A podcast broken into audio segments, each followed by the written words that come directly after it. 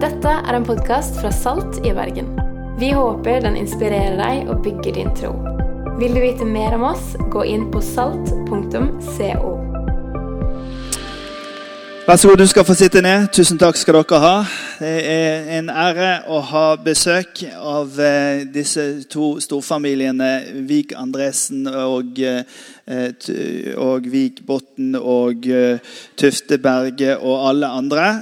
Og nå når presten går på, så tenker man kanskje Det er alltid nye folk i kirken vår, altså, men hvor lenge skal han nå snakke? Og jeg, Da har jeg lyst til å forklare det på følgende måte. At det var en gutt som satt med sin mamma i kirken en gang. Eh, og så gikk de alltid i kirken. Eh, og så sa ungen når han kom ut av kirken at eh, nå vet jeg hva jeg skal bli når jeg blir stor. Og mor syntes det var så sterkt. vet du. Det er det man sier når man er kristen. Så sterkt at vedkommende fant ut dette i kirken. Og da sa den lille gutten jeg skal bli prest når jeg blir stor, for det er like greit å stå der oppe og snakke som å sitte her og kjede seg. Så eh, jeg lover deg at jeg skal ikke holde på altfor lenge. Eh, men jeg har lyst til å avslutte den serien som vi nå har hatt i kirken vår i denne måneden, eh, som vi kaller for Den røde tråden. Den røde tråden handler om at eh, gjennom livet vårt så går det en reise. Eh, og jeg spurte jo han eh, medarbeideren min om han kunne kjøpe et, et, et rødt tråd til meg. En rød tråd for meg da. Og nå skal vi ha en avstemning. Er dette rødt? Hvilken, altså, de som mener dette er rødt, kan ta opp hånden nå. Det er altså er han som har kjøpt det for sinnssykt mye penger. som mener det. Hvem mener dette er oransje? Ja, all right. Så du får eh, Menigheten betaler en tur til optiker for deg. Så vi får løst det. der. Poenget er i hvert fall det at eh, det går en oransje tråd gjennom livet. Eh, Og Det er kanskje best symbolisert av denne her L-en her, som vi setter på bilen vår når vi skal ut og lærekjøre. De siste årene så har vi hatt en sånn bak på bilen vår. Det er helt vidunderlig når du har den ælen på. Da kan du blinke feil, du kan kjøre motsatt i rundkjøringene. Du kan, du kan, ja, du kan tro med å kjøre på folk, men folk er så fulle av nåde når du kjører stygt når du har ælen på. Jeg har faktisk sjøl bare latt være å ta den av jeg, og kjørt som en gris eh, i en periode.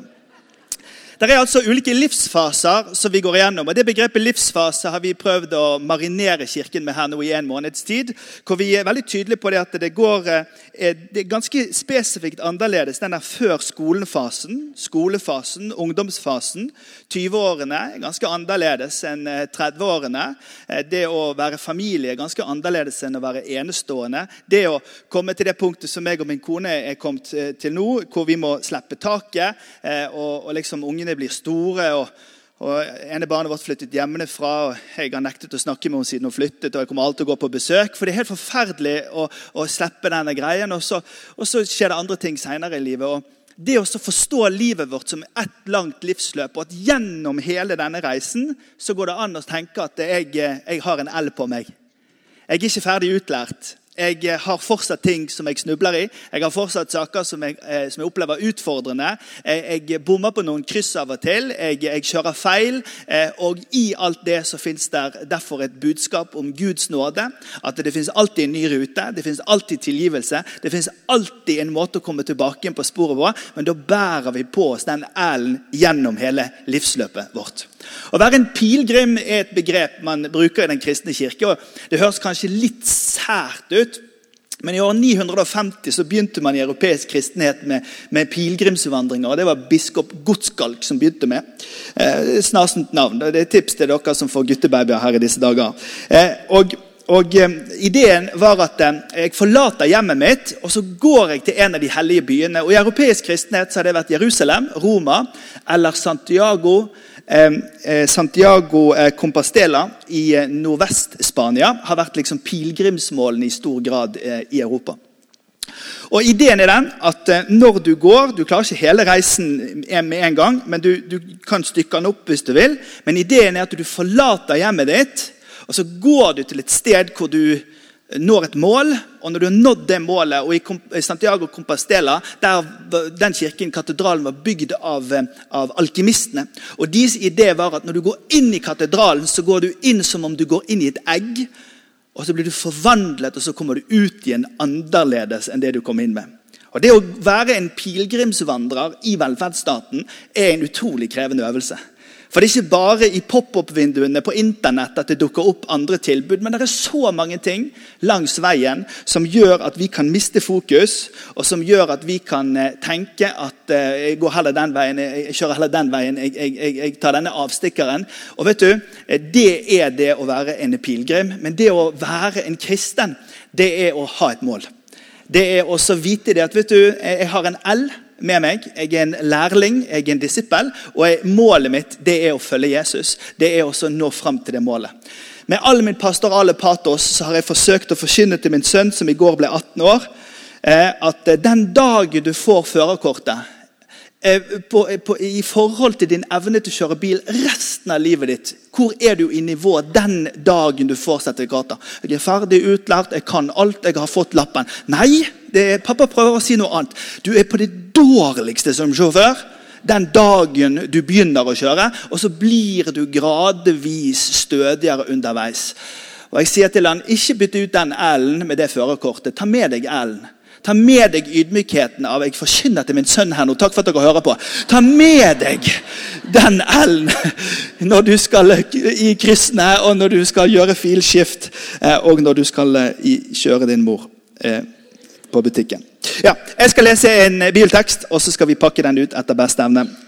Det står i Efeserbrevet kapittel 5, vers 11-17. Jeg leser fra Message-oversettelsen.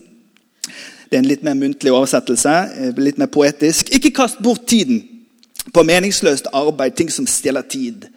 Ufruktbare handlinger i mørket. Avslør hvor meningsløse disse tingene er. Det er en skandale når mennesker sløser bort livet sitt på ting som de må gjøre i mørket der ingen ser.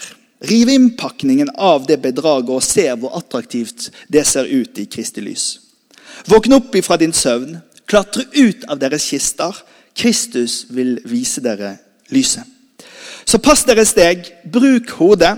Gjør maksimalt ut av den muligheten som du får, for dette er desperate tider.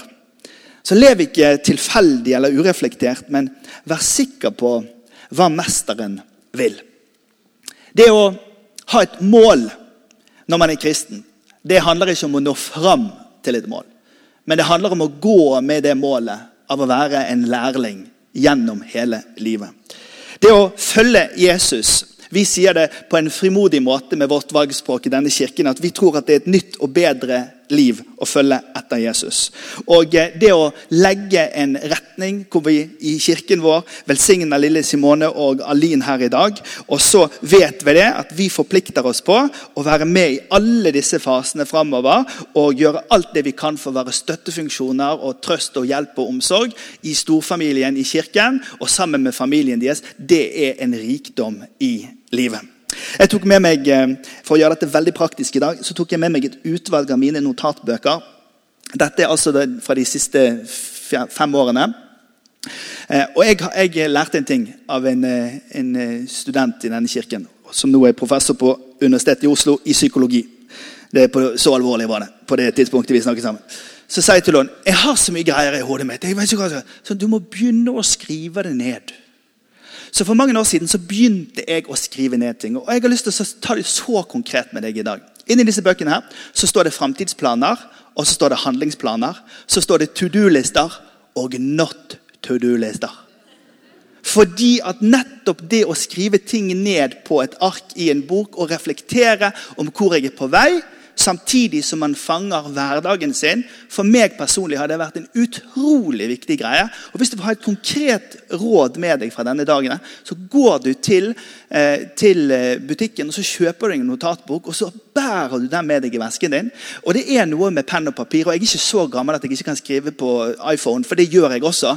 Men det er noe med å bare slippe tanken ned på et ark. Du aner ikke hvilken mentalhygiene som ligger i det. Og du aner ikke hvor mye enklere det er å se opp og fram når man velger å også se i detaljene. Jeg skal snakke om to ting i løpet av de neste minuttene. Det ene er å tenke langt. Og det andre handler om å agere i dag, og da med spesielt med fokus på det som handler om barnas oppvekst og barn og unge. Se for deg at du kommer inn i en begravelse. Den er litt skummel, denne, denne illustrasjonen. Men se for deg at du kommer inn i en begravelse, og du kjenner de som er der. Og du kjenner igjen stemmene deres. Og når de holder talene sine, så tenker du jeg kjenner jo denne personen som de snakker om. Og så blir du mer og mer nysgjerrig, for du vet ikke helt hvem det er. Og så går du fram, og så ser du ned, og så er det du som er der. Det er en veldig skummel eh, illustrasjon. Det var derfor jeg sa den så fort. Eh, men i kirkehistorien så har det faktisk vært sånn at folk har eh, hatt et prinsipp som heter eh, memento mori, å huske på døden. Og Thomas Kempis han var munk på 1500-tallet. Han sa dette. Om du noen gang har sett en person dø, så reflekter over at du også en gang må gå den samme veien. Hvor lykkelig er ikke den personen som da vil streve etter å være den personen i livet som han lengter etter å bli husket om i sin død. Og kjære venn, Fra hvilken stor fare kan du frigjøre deg, og fra hvilken stor frykt kan du bli satt fri hvis du alltid vil være oppmerksom på og respektfull ovenfor døden? Vet du, De gikk så langt i dette memento mori på, i, før i gamle dager at eh, de la seg noen ganger til å sove oppi kister.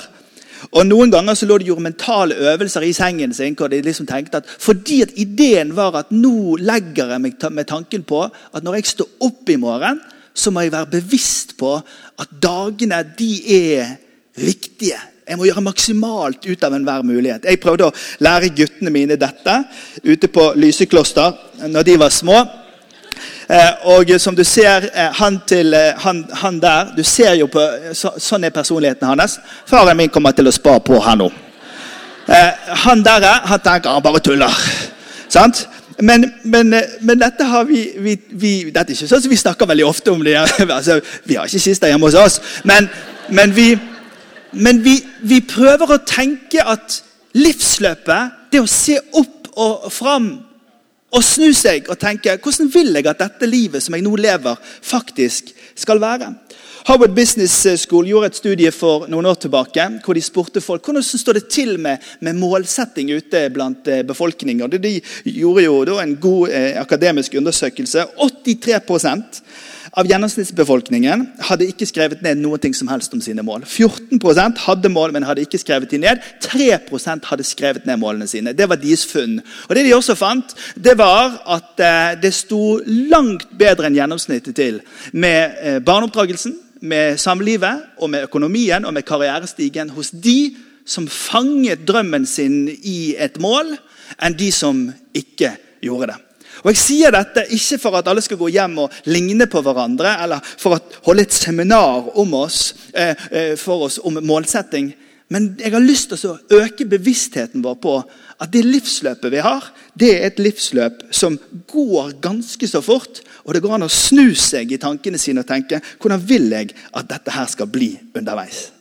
En har sagt det slik at mål det er drømmer som har fått deadliner.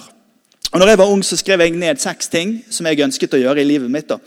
Det har jeg styrt etter ganske mye. Jeg har også møtt folk som har sagt at Gud, hvor kjedelig, det der var veldig smalsporet. Og sånn. Og da svarer jeg med han Billy Graham. Hva er feil med å være smalsporet? Et kompass er alltid smalsporet. Det peker alltid nord. Du aner ikke hvilken fordel det er når du er pilegrim i velferdsstaten. Med pop-opp-vinduene av ulike valg og kryss hvor vi alltid kan velge noe annet. Det er å vite det er i denne retningen jeg har bestemt meg for å gå. Jeg har bestemt meg for å være bevisst på det mesteren vil. Jeg har bestemt meg for å ha en L med meg gjennom hele denne kjøreturen som heter pilegrimsvandringen i velferdsstaten. Paulus sier det til korinterne i kapittel 7 vers 35. Jeg sier dette til deres eget beste ikke for å legge bånd på dere, men for at dere skal leve sømmelig og holde dere trofast og helhjertet til Herren. Det er det som er så fantastisk. Og så er de gode nyhetene i den kristne livsanskuelsen og i den kristne troen at hver gang vi kjører feil, så er det en ny nåde. Og hver gang vi snubler, så får vi lov til å reise oss igjen. Og Det fins ikke en grense for tilgivelse og gjenopprettelse og nåde og, og, og, kursendring i den kristne troen. Dette er verdens beste budskap. Dette er verdens råeste ideologi. For den handler om at du skal få lov til å gå med elskifte gjennom hele livet. Det elskiltet det viser her snubler vi, her blinker vi feil, her kjører vi opp på kanten, her ødelegger vi felgene til far, men det er likevel nåde.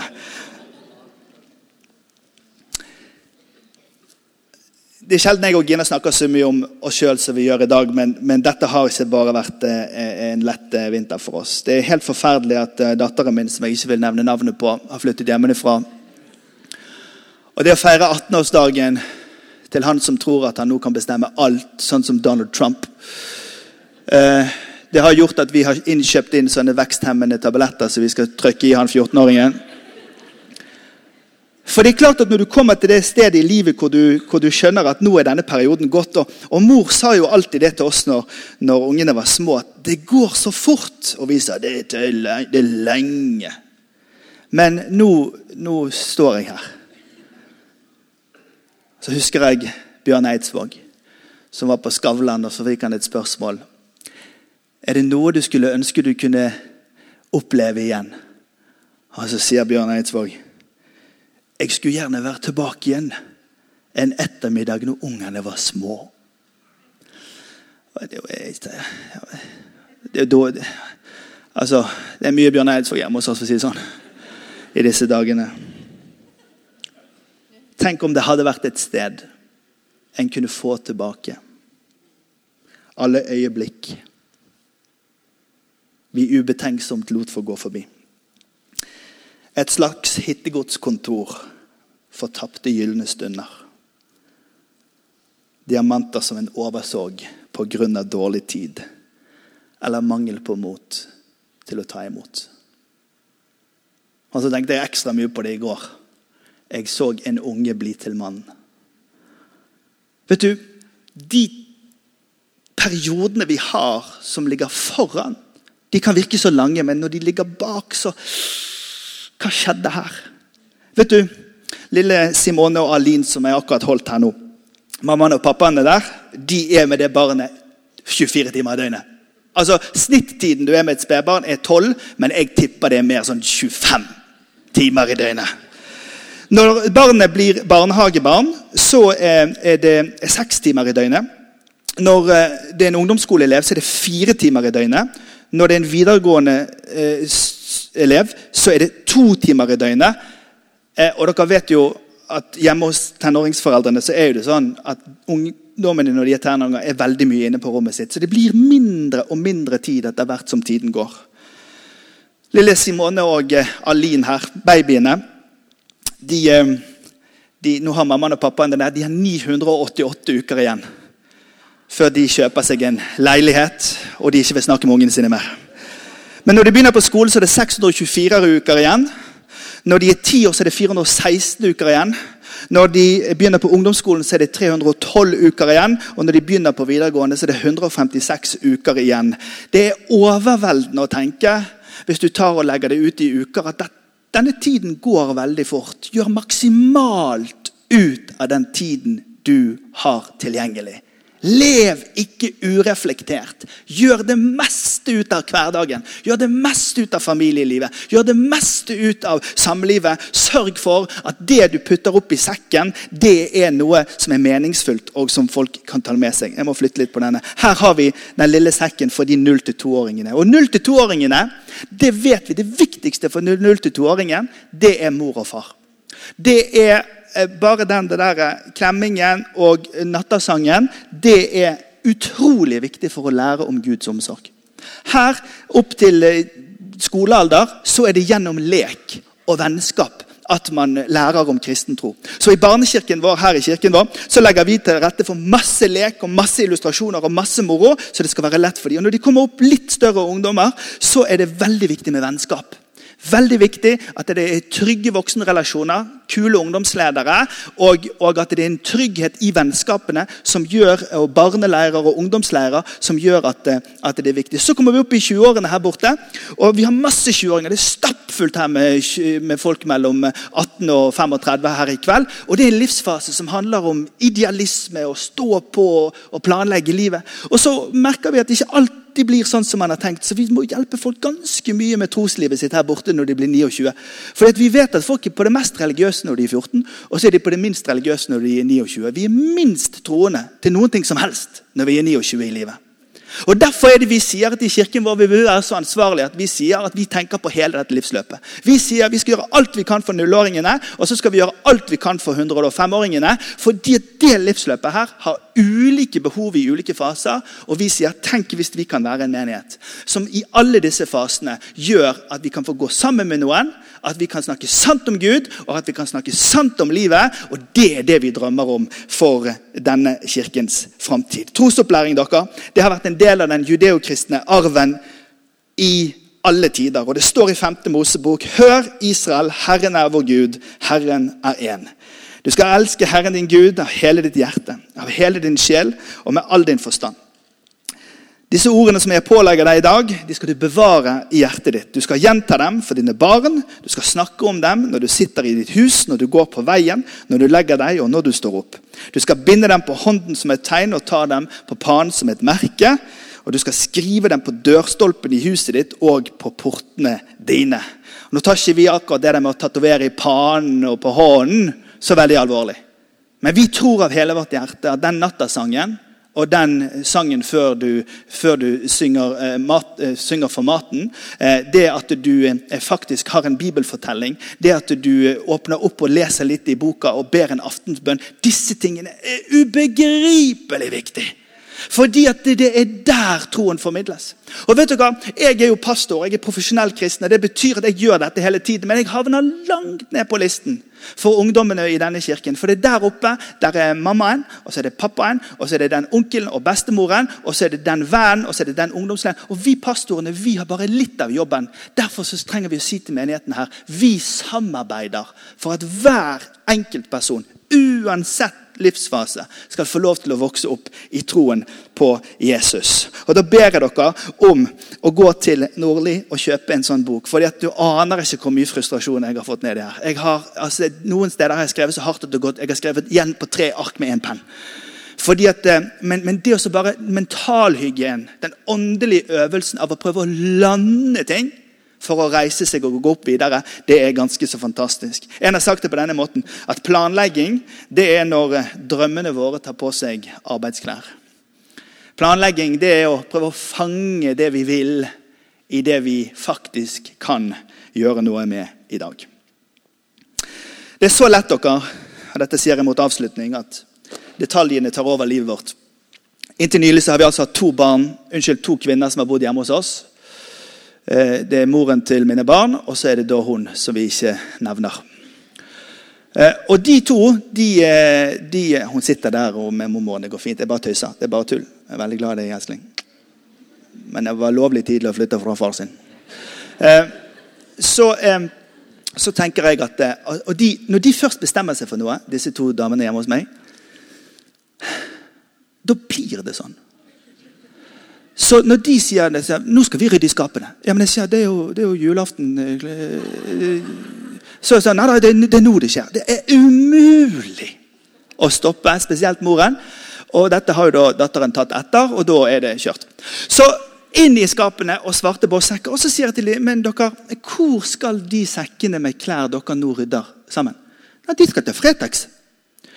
Og det dere, det er blank løgn. Fordi at det, de har aldri levert noe til Fretex. Det de har gjort, det er at de har flyttet posen fra skapet ca. 20 meter og satt det midt i garasjen. Og Jeg har kjøpt, altså jeg er pastor, så jeg har ganske folkelige biler. Volkswagen. Og disse bilene de har jeg kjøpt fordi de skal bo inne i det lille huset der ute på tunet. For de regner 289 dager i døgnet. Men det som skjer, er at bilen den bor plutselig ute. den. Fordi at der inne der er noe som skal til Fretex. Og det som skjer det er at Guttene mine de kommer og setter sykkelen sin inntil den posen. og Så setter de hoverboardet bortil og så legger de noen ladekabler der. Og så står denne stakkars bilen ute på tunet. Og når jeg går på tur i nabolaget, så ser jeg at det er skjebnen til de fleste bilene i vårt nabolag. De bor ute på tunet og ikke inne i huset sitt. Fordi garasjen er full av skrot. Og Når jeg ser på min hverdag, og når jeg ser på tannlegetimene, fotballtreningene, et eller annet vi har kjøpt på Finn som vi ikke trenger, eller kjør ut og hent eller gå og handle på et tilbud Når jeg ser på alle de detaljene, så ser jeg at min kalender styres i veldig stor grad av alt det styret som bare blir livet.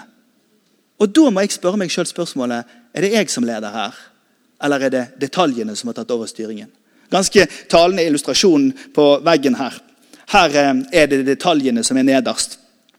Og Det er en komisk greie som du kan google hvis du vil. Det er en kvinne som forsøker å, å, å få opp i det som er viktig i livet hennes. Jeg må få meg en utdannelse, jeg må ordne med familien, jeg må trene og jeg må gå i kirken. og sånn. Men hun får ikke de store steinene opp i dette. fordi at nedi der så ligger alle avtalene, alle detaljene og alt det styret som plutselig kan bare ta over vårt liv. Jeg treffer unge mennesker som ikke har tid til å hjelpe til litt i kirken en gang i måneden. Og da tenker jeg, ja, men Hva i all verden er det du holder på med? da? Ikke har du noen barn som du må forsørge og passe. Og ikke har du et hus som skal males. Og ikke har du en hytte som skal, liksom, du, skal, du skal fikse på, eller en båt. Eh, hva har du da? Netflix. Nei, altså, Det er utrolig mye greier som vi tror at skal inn, som ikke går inn. Neste bilde er kanskje det beste bildet. Da får denne kvinnen i denne illustrasjonen hun får beskjed om at hun istedenfor å prøve å ta de store steinene som representerer de viktige tingene, og putte de oppi, så skal hun altså da begynne med de store steinene først. Vi hadde Jostein Hope, som er en fantastisk del av kirken vår her. Han har tre små gutter og hans kone Birgitte. De ble intervjuet her for litt siden. Så sto de her oppe. Guttene er veldig tøffe, veldig skjønne. Og så spurte møtelederen eh, han som intervjuet, da, spurte eh, Jostein, hender det at dere er uenige om dere skal gå i kirken eh, en søndag hvis det er dårlig vær eller fotballkamp. eller sånn. Og så sier Jostein at vi skal gå i kirken, bestemte vi i 2005. Altså, de la en stein. Dette er viktig for oss. Dette gjør vi bare. Dette med familien er viktig for oss. Dette med kirken er viktig for oss. Dette med å ta vare på helsen vår er viktig for oss. Og Når du legger de store steinene først, dere, så er det plass til alle detaljene etterpå. Må du, kjøre, du må kjøre og hente et skap på Finn på Os midt i uken. Du må gjøre sånne hasardiøse ting som å gå på Ikea på en lørdag klokken tolv. Og Vi kommer til å stå der utover våren nå med gratis billett til samlivskurset vårt sammen. For dette er den sikreste oppskriften til samlivsbrudd i Ikea på lørdag klokken tolv. Jeg og Gina var faktisk på Ikea her forrige dagen. Første gang vi var på Ikea sammen. forrige dagen. Sterkt øyeblikk. Det var ikke et menneske der. Det sto ikke i notatene mine, så jeg tar, tar ikke den. Hør. Detaljene kan styre vårt liv. Og dette greiene som vi holder på med her, det går mye fortere enn vi aner. Men ta hvis vi begynner med tanke på slutten. Jeg har dette livsløpet. Dette det jeg drømmer om at skal fylle det. Og så tar du de tankene ned. Og så planlegger du sånn her må hverdagene våre se ut. Og vet du, Det er ofte ikke mer enn bare de der små skrittene på denne pilegrimsvandringen i velferdsstaten. I denne smale retningen. Der vi husker på hva Mesteren vil. Det er det som er retningen, og det blir til slutt summen av vårt liv. Skal vi reise oss opp og så ber vi sammen? Jeg mente ikke si noe stygt om Ikea, altså. Bare sånn med tanke på at vi får kommer det en avis her. Pastor skjeller ut Ikea. På hvilket grunnlag? Alt kan jo skje disse dagene, så få be for oss. Herre, jeg ber for hver enkelt i denne kirken. Jeg takker deg for eh, familien til Aline og familien til Simone spesielt i dag. Og jeg tenker på alle barna og alle ungdommene, alle voksne, alle enslige, alle besteforeldre og oldeforeldre som er samlet her i dag. Jeg takker deg for din trofasthet. Herre, du har ikke kalt oss til å flykte fra verden, men du har sagt at du skal være med oss alle dager gjennom denne vandringen som, som er vårt liv. Og Jeg takker deg for at det fins nåde, at det fins frihet, at det fins kursendring, og at du har gitt oss muligheten til å agere med tro i forhold til hverdagene våre. Og Jeg ber for alle som i lys av denne refleksjonen som vi gjør i dag, kjenner at det, det ble ikke sånn som jeg hadde tenkt. Jeg ber om at du kommer med trøst og omsorg. Herre, Det gjelder jo oss alle. Og så ber jeg Herre for oss som står her i dag med beina våre og ser framover for de neste årene. Gi oss et fornyet håp og en fornyet tro på At det, det er det du vil, som er det beste livet for oss. Det er det som er det nye livet, det er det som er det bedre livet. Og du kaller oss til å følge deg. Vi ber om dette for alle som er til stede her i dag, og for de folkene som vi har i familiene våre og i nettverkene våre. Vi ber om dette i Jesu navn. Amen. Takk for at du har valgt å høre på denne podkasten fra Salt. Du er varmt velkommen til våre gudstjenester på søndag.